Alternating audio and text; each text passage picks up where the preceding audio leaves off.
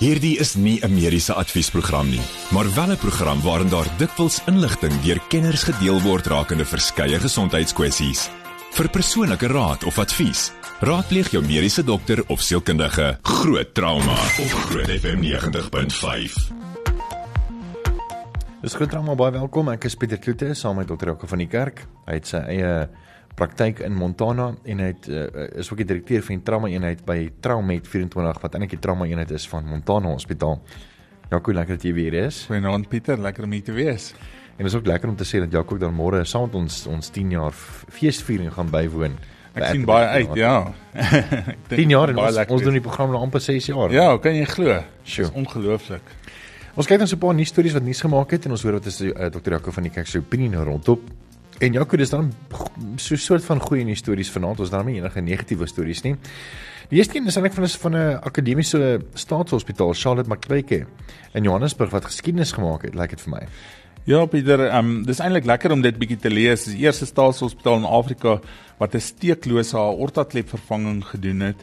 Ehm um, daar's twee pasiënte geopereer eh, dan donderdag die 27ste Julie en hulle was 6 ure na die operasie alweer wakker. Nou meeste mense sal weet jou meeste thorax operasies wat mense op um die bypass pomp of die omleidingspomp gaan is die mense baie keer na die tyd nog steeds geventileer. So om binne 6 ure na so groot operasie wakker te wees en aan die gang te wees is eintlik baie baie indrukwekkend. Sure. Um die operasie verkort nie die um, wat wat wat hulle dan nou doen in terme van die van die steeklose klepvervanging verkort nie um net die prosedure se tyd nie.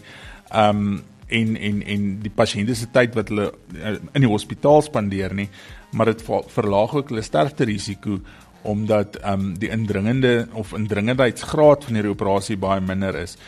Die chirurgiese span wat dit dan nou gedoen het is dan 'n mede-professor in chirurgie aan die Universiteit van ehm um, Servië wat dan ehm um, aan die hoof gestaan het van hierdie hele hierdie hele chirurgiese ehm um, span en hy uh, is ondersteun deur 'n konsultant kardiotorakale chirurg en en en dan ehm um, ook die hoof van die eenheid vir minimaal ingrypende hartchirurgie by by Wits.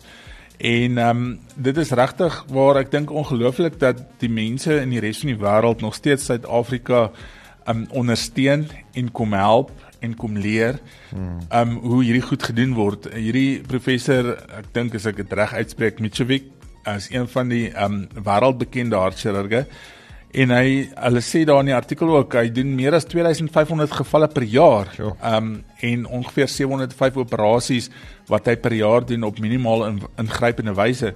Ehm um, op hierdie manier ehm um, wat hy dan die mense dan beter opereer as wat dit in die verlede gedoen is en dis regtig waar ongelooflike getalle as jy net dink aan 'n gewone operasie as jy daai 705 bymekaar tel, hoeveel dae, vol dae sal dit nie wees nie. Ehm um, ek dink regtig waar dit is 'n uh, groot pleintjie vir die Universiteit van Witwatersrand as 'n mediese skool wat dan saam met die die maatskappy wat die wat die toerusting voorsien um, hierdie operasies moontlik gemaak het en ek dink regtig waar dit is um, iets wat ons op kan trots wees in Suid-Afrika om om regtig waar nie agter te voel by die res van die wêreld nie maar ek dink ons is daar. En ek moet ook sê ek dink 'n wits het iets 'n bietjie van 'n pleintjie gekry so en um, jy het jou 3 jaar um, emergency medicine ja, by wits gedoen. Ek het dit ook daar gedoen ja, so ek moet sê ek is half trots hier in my binneste. Net hier nog gaan 'n bietjie kyk oor um, oor 10 redes blykbaar weet hoekom koord bloed en weefsels stamselle vir jou baba gestoor moet word en jy ook gaan 'n bietjie kyk daarna en uh, vir ons sy opinie gee rondom dit. So bly gerus ingeskakel. 'n Bietjie later in die program gaan ons ook 'n bietjie praat oor masels en uh, dan ook uh, dit is borsvoeding week en ons gaan 'n bietjie natuurlik dan praat oor borsvoeding. Jy kan ook jou vrae stuur 0616104576 onthou standaard tariewe geld en onthou standaard tariewe geld. Nou ons WhatsApp lyn. Groot trauma met Pieter Kloete en dokter Jaco van die Kerk op Groot FM 90.5 kyk nou op so 'n paar nuus stories wat nuus gemaak het en ons hoor 'n bietjie wat is dokter Jaco van die kerk se opinie daar rondom. Jaco op Parola Media is daar 'n artikel wat sê 10 redes om koord bloed en weefselstamselle vir jou babas te stoor. Hoekom is dit belangrik en hoekom maak mense so vas daaroor? Pieter, ja, ek dink as 'n mens vir ouers gaan luister, um en en met ouers praat, jong nuwe ouers of selfs mense wat nog swanger is, dan dink ek hulle grootste hulle grootste ehm um, ding in hulle lewe is of wat wat vir hulle die waardevolste is, is die gesondheid van hulle kind of hulle baba wat dan nou op pad is. Nou altyd het jou jou naalstring ehm um, of jou koord en jou plasenta ehm um, wat dan nou belangrik is in swangerskap is direk na die geboorte dan nou verbrand of weggegooi en as as as mediese afval gesien. Ehm um, en deesdae of eintlik nie net deesdae nie, is al 'n paar jaar ehm um, is daar baie goeie redes om hierdie koordbloed en weefselstamselle vir die baba te stoor.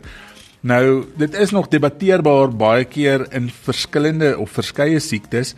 Ehm um, gaan dit werk, gaan dit nie werk nie en daar's nog baie studies. Ek sien daar's um, tans 7500 studies aan die gang sure. oor spesifieke ehm um, siektes wat dan nou met hierdie stamselle potensieel uh behandel kan word. Maar die die die 10 groot redes hoekom mense hierdie stamselle en koordbloed wil stoor is omdat 'n mens net een keer daai geleentheid kry. Nommer 1 Um die oomblik met geboorte moet hierdie stamselle en koordbloed dan gestoor word indien nie dan um sal jy nooit weer die geleentheid kry nie want jy gaan nooit weer so suiwer koordbloed kry nie jy gaan nie sulke suiwer stamselle kry nie. Um daar's geen um geen blootstelling aan buitefaktore op daai stadium al nie. So dis die beste stamselle en koordbloed wat jy dan nou kan kry. Mm. Daar's goeie potensiaal vir toekomstige mediese behandelings.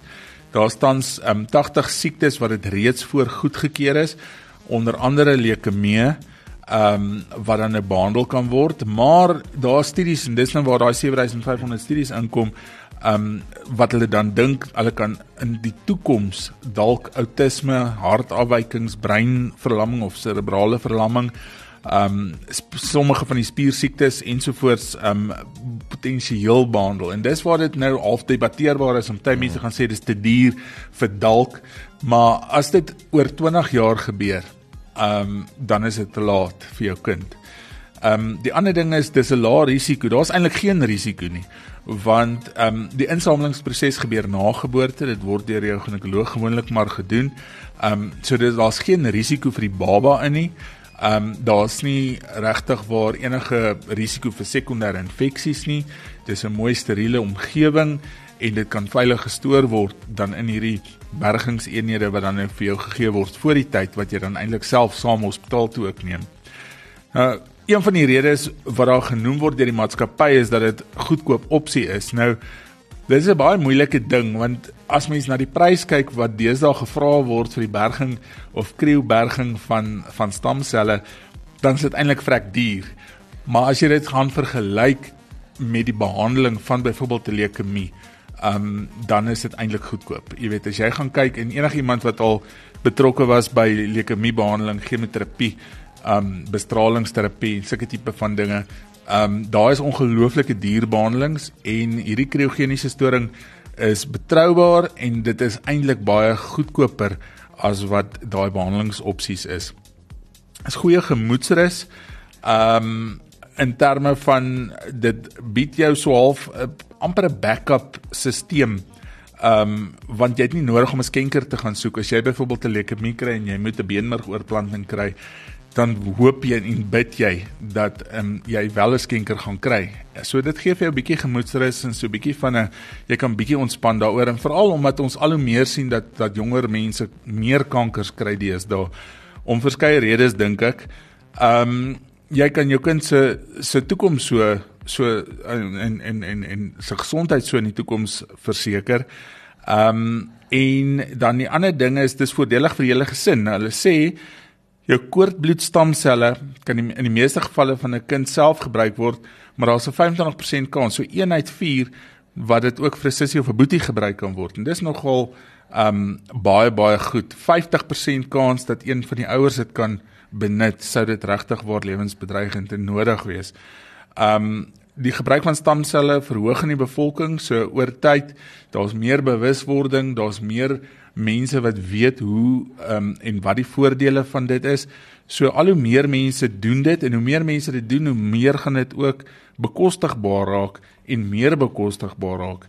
Mense hoef nie bekommerd te wees oor die ehm um, standaarde waaronder dit ehm um, gehou word nie. Die fasiliteite is wêreld ehm um, standaard ook in Suid-Afrika En ehm um, daar is definitiewe riglyne wat dan nou gevolg word vir die storing van hierdie hierdie stamselle. En dan die koordbloed en weefselstamsel oorplantings is 'n is 'n innovasie ehm um, tegniek vir die toekoms, jy weet, ehm um, hulle sê dan dat daar daagliks meer as 40000 koordbloedstamsel oorplantings voltooi kan word en daar staan meer as 4000 mense of uh, meer as 40000 mense wat al reeds um, behandel is met koordbloed oortapping. So dit is regtig waar ek hmm. dink 'n goeie ding vir vir mense om aan te dink. Daar is afbetalingsopsies. Met ander woorde, as mense die groot bedrag sien, dan dink hulle, ja, ek gaan dit nie kan bekostig nie. Maar daar is afbetalingsopsies by meeste van die maatskappye wat dit doen.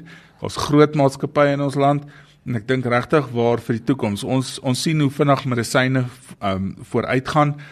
Ehm um, ek meen ons het al gepraat oor genetiese manipulering ensovoorts en hierdie is 'n baie meer basiese ding nog as dit.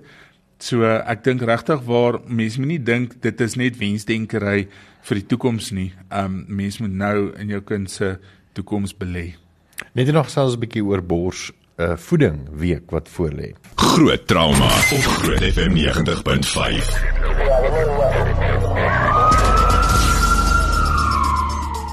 Hierdie week internasionaal word borsvoeding uh, week en bewusmaking daar rondom gevier en uh, die VN, uh, die Verenigde Nasies en ook die Wêreldgesondheidsorganisasie het so 'n paar interessante feite oor borsvoeding en uh, ons gaan nou 'n bietjie daarna kyk. Jaco maar net in jou opinie, ehm uh, hoekom is dit uh, ek meen is is dit wetenskaplik? Jy weet uh, die feit dat dat weet moet jy jou baba dadelik borsvoed of kan jy hom sommer dadelik net op poeier sit en dis dis nou hoe dit is? Pieter, ek dink daai is 'n baie baie moeilike antwoord. Ek dink borsvoeding bly sekerlik die beste om te doen, sou mens kan. Maar ek dink ook nie die ma's daar buite moet moet sleg voel as hulle nie in laktasie ingaan of genoeg borsmelk maak of as hulle baba dan nou nie um jy weet gereageer soos wat hulle graag sou wou hê die baba moet reageer as hulle dan 'n borsvoed nie. So alle ma's kan nie borsvoed nie. Um dis 'n klein persentasie wat nie kan nie, maar daar is 'n persentasie en dit maak nie van jou 'n slegte ma nie. Um ek dink die formulevoedings daar buite en daar's verskeie is baie keer gelykstaande daaraan. Um aan aan aan borsmelk. Maar 'n mens wil nog steeds borsmelk um en en borsvoeding aan aanmoedig. En daar's 'n paar redes voor um as mens gaan dink daar's mens moet dit eintlik maar gaan onderskei tussen voordele vir die ma, voordele vir die baba. Um, by die ma byvoorbeeld, um, ek dink uit die aard van die saak daar's 'n klomp debatteerbare goed ook, maar een van die goed waaroor niemand kan kan redeneer nie is dat ma's wat borsvoed vinniger oor hulle oor hulle kraam insident kan ek mense amper sê. Ehm um, kom, die oomblik wat jy borsvoed produseer jou liggaam 'n hormoon met die naam van oksitosien. Oksitosien help om die uterus te laat saamtrek na jou bevalling en dit maak ook dat 'n mens se bloeding na jou bevalling baie minder is.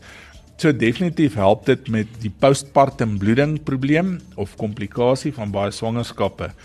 Ehm um, almal weet van die emosionele en fisiese bonding van die van die kind en, en dis ook nie permanent nie. Nee, die Wêreldgesondheidsorganisasie sê jy moet eintlik net borsvoed tot op 6 maande eksklusief en dan moet jy begin eintlik vaste stowwe bysit want anders gaan jou kind ook wanvoeding begine kry.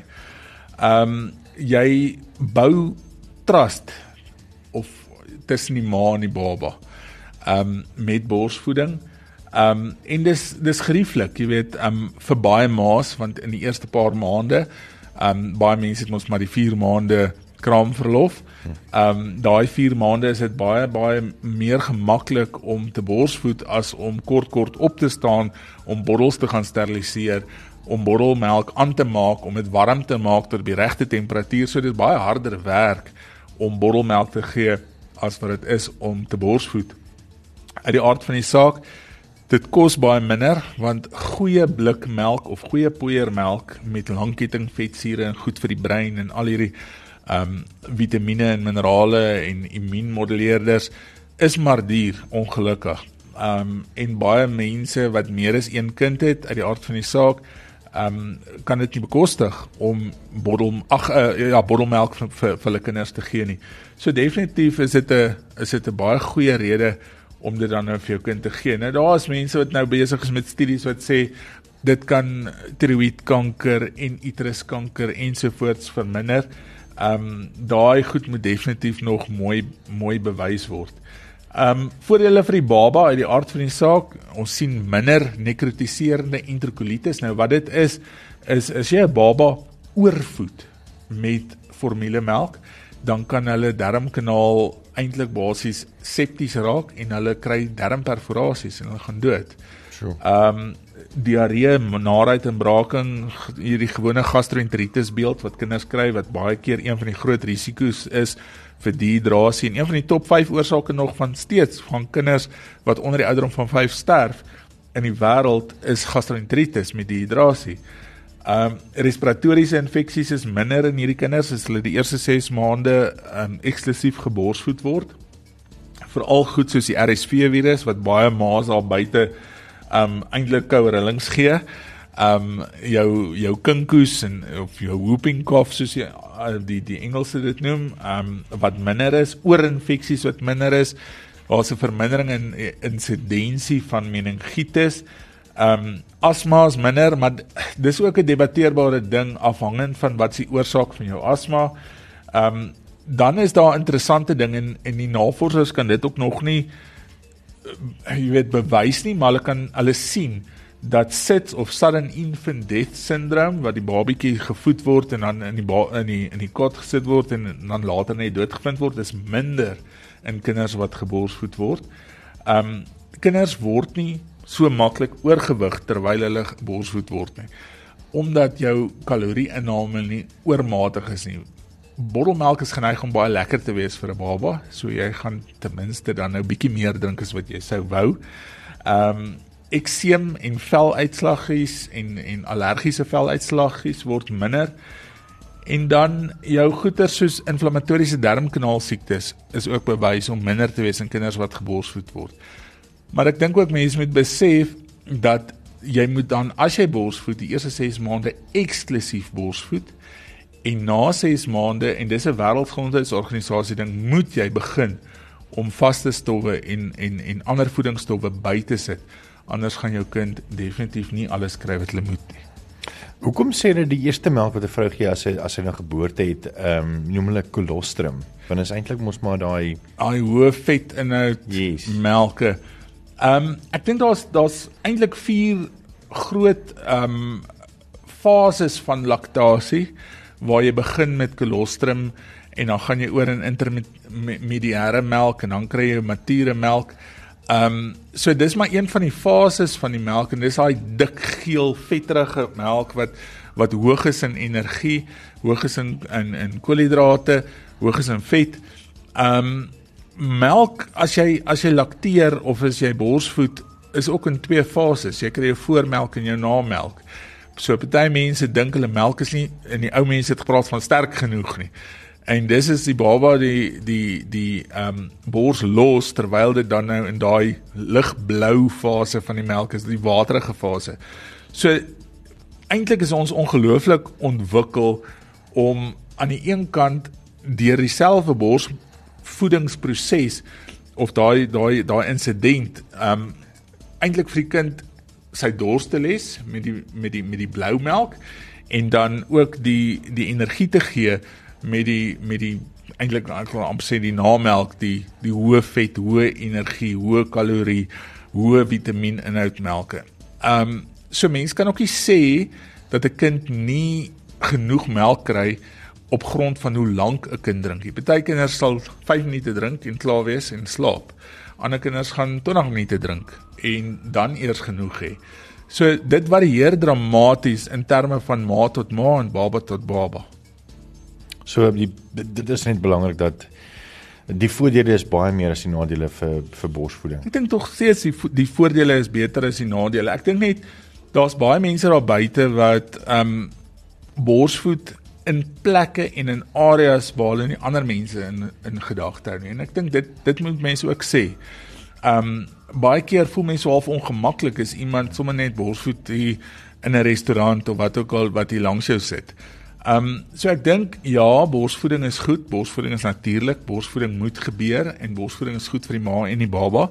Maar ek dink tog, ehm um, die mense wat dit doen of die ouers wat dit doen, moet nog steeds ander mense in die openbaar ook in gedagte. Staan dit vir jou mediese mite minuut? Ons praat nou baie oor borsvoeding, maar ek dink um, 'n um, belangrike punt is en ek ek het dit nou al gesê is dat die Wêreldgesondheidsorganisasie sê dat borsvoeding slegs vir die eerste 6 maande uitsluitlik borsvoeding moet wees.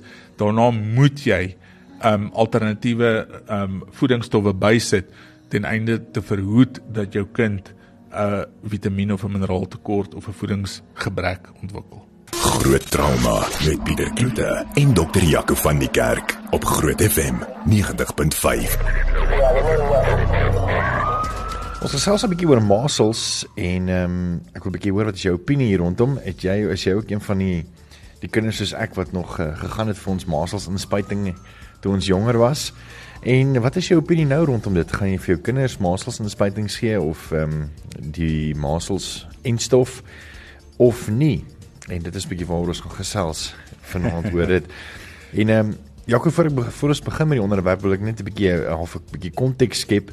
Daar was 'n oulike artikel op Stat News, ehm um, wat 'n mediese webblad is en die artikel is geskryf deur Helen uh Brandswell en uh dis nogal 'n baie lekker uh 'n vir baie interessante uh, storie wat sy geskryf het en ek gaan sommer vir jou so 'n uh, uittreksel lees uit die artikel um, net om vir 'n bietjie konteks te gee. So sy skryf oor oor die persoon se naam is Matthews. Hy's 62 jaar oud en um, hy was opgeneem in Eastbourne in Engeland in die hospitaal en hy het hoë koors gehad en ehm um, hulle sê omtrent so 104 Fahrenheit omtrent so wat dink 40 is 40 grade ja. Uh, wat nogal baie hoog is veral vir 'n vir 'n volwasse persoon. En ehm um, die eerste keer was hy natuurlik gevat in 'n ambulans en ehm uh, toe het die ambulans ons begin dink okay wat hierdie kan ook meningitis wees weet maar nietemin. Toe toe sê hy gekleer van dit en onthou Matthews is 62 jaar oud nê so neem dit net in gedagte en toe was hy nou maar huis toe gestuur met 'n baie vaag diagnose. Uh want die dokters wat hom nog gehelp het het net gesê dit is nee, dit is 'n unidentified viral infection. Hulle weet nie wat dit is nie. Nietemin so Matthew sê toe ehm um, en kom kom ek lees net vir jou gou vanaand hierdie stukkie net om 'n bietjie konteks te gee.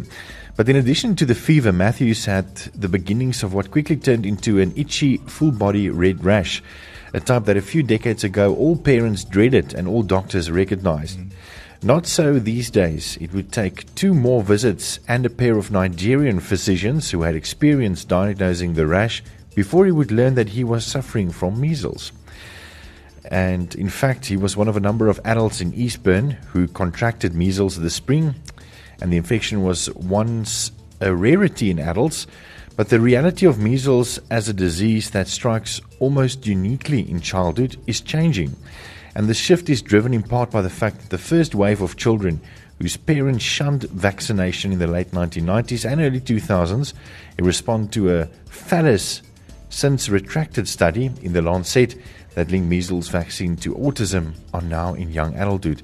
En dis wat my nogal baie interessant maak van hierdie artikel is dat uh, die, die Matthews is 62 jaar oud, Jaco, ja. en ehm um, hy toe masels klein dokters kon dit nie eers by hom gediagnoseer het want hulle was nie familier met met masels nie. So dit lyk my dat hierdie groep wat nou nie hulle enstof gehad het nie in die 90's begin half nou probleme skep. Ja, Pieter, ek dink as jy nie in Afrika werk nie, gaan jy nie masels ken nie. Ehm um, ons is almal gelukkig hier in Afrika en dis waarskynlik hoekom die Nigeriese dokters dit kon diagnoseer. Hmm ehm um, kry ons nog gereeld masels um, gewoonlik in in kinders. Ehm um, en ons almal weet van die MMR of measles, mumps en rubella wat ons dit mos maar genoem wat jy so op 12 maande en dan weer bietjie later kry in die immunisasieskedule.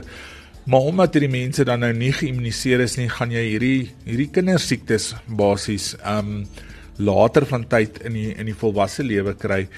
En dis 'n slegte ding want een die eerste wêreldlande en die ryker lande ken dit nie.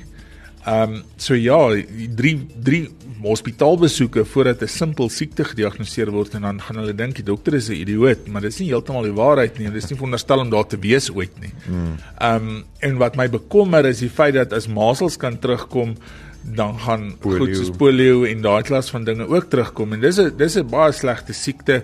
Dis 'n klomp slegte siektes, maar masels is nie so so onskuldig as wat almal dink ook baie keer nie. Ehm um, ek dink daar's baie mense daar buite wat masels en Duitse masels met mekaar verwar. Nou daar's 'n groot verskil. Ehm um, Duitse masels word rubella of of of die deur die rubella virus veroorsaak waar die masels virus is deel van die Paramyxoviridae familie. So dis 'n heeltemal 'n ander is 'n RNA virus wat dit veroorsaak. Ehm um, en en dis sleg dat dat dit 'n vaksin voorkombare siekte is wat nou weer kop uitsteek en slegte komplikasies vir mense gee.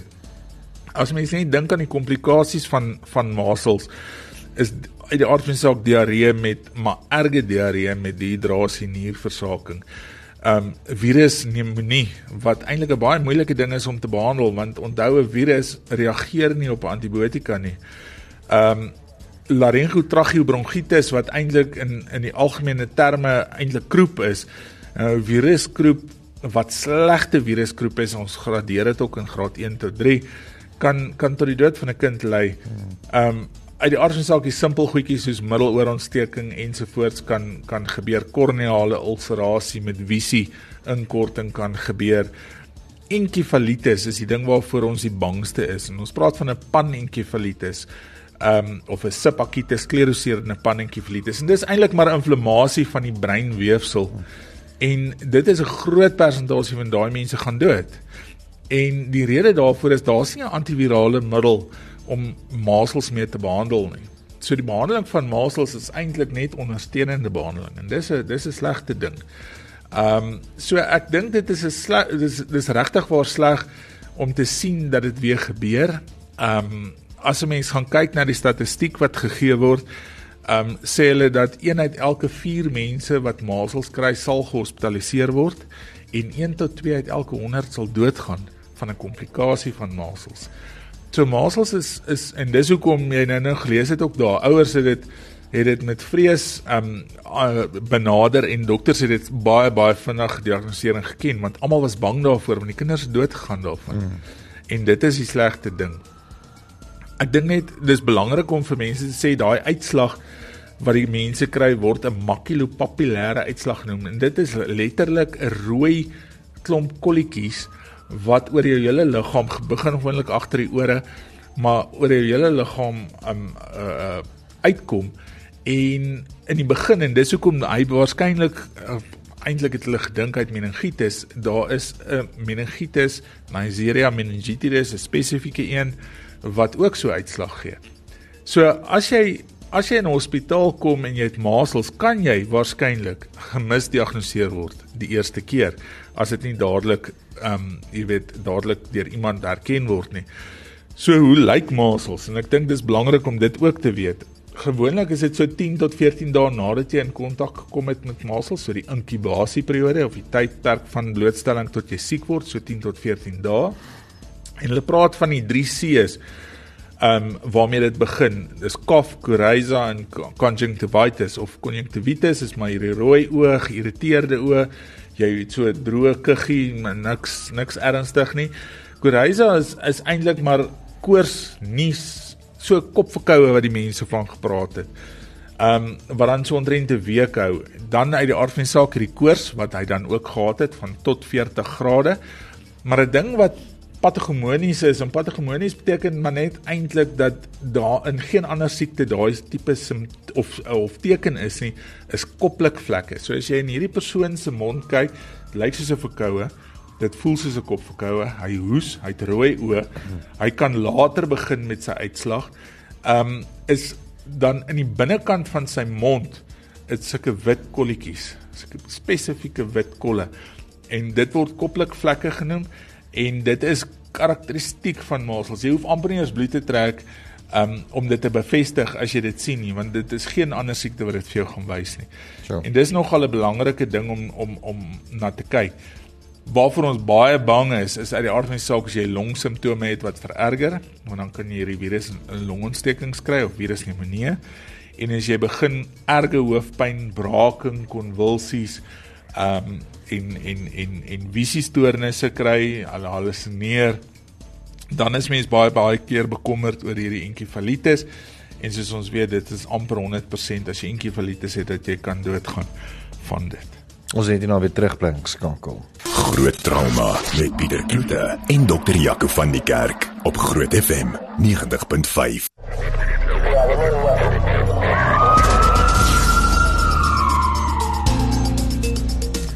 Welkom terug. Ons gesels 'n bietjie oor masels. Ek ken net dokter Jaco van die Kerk.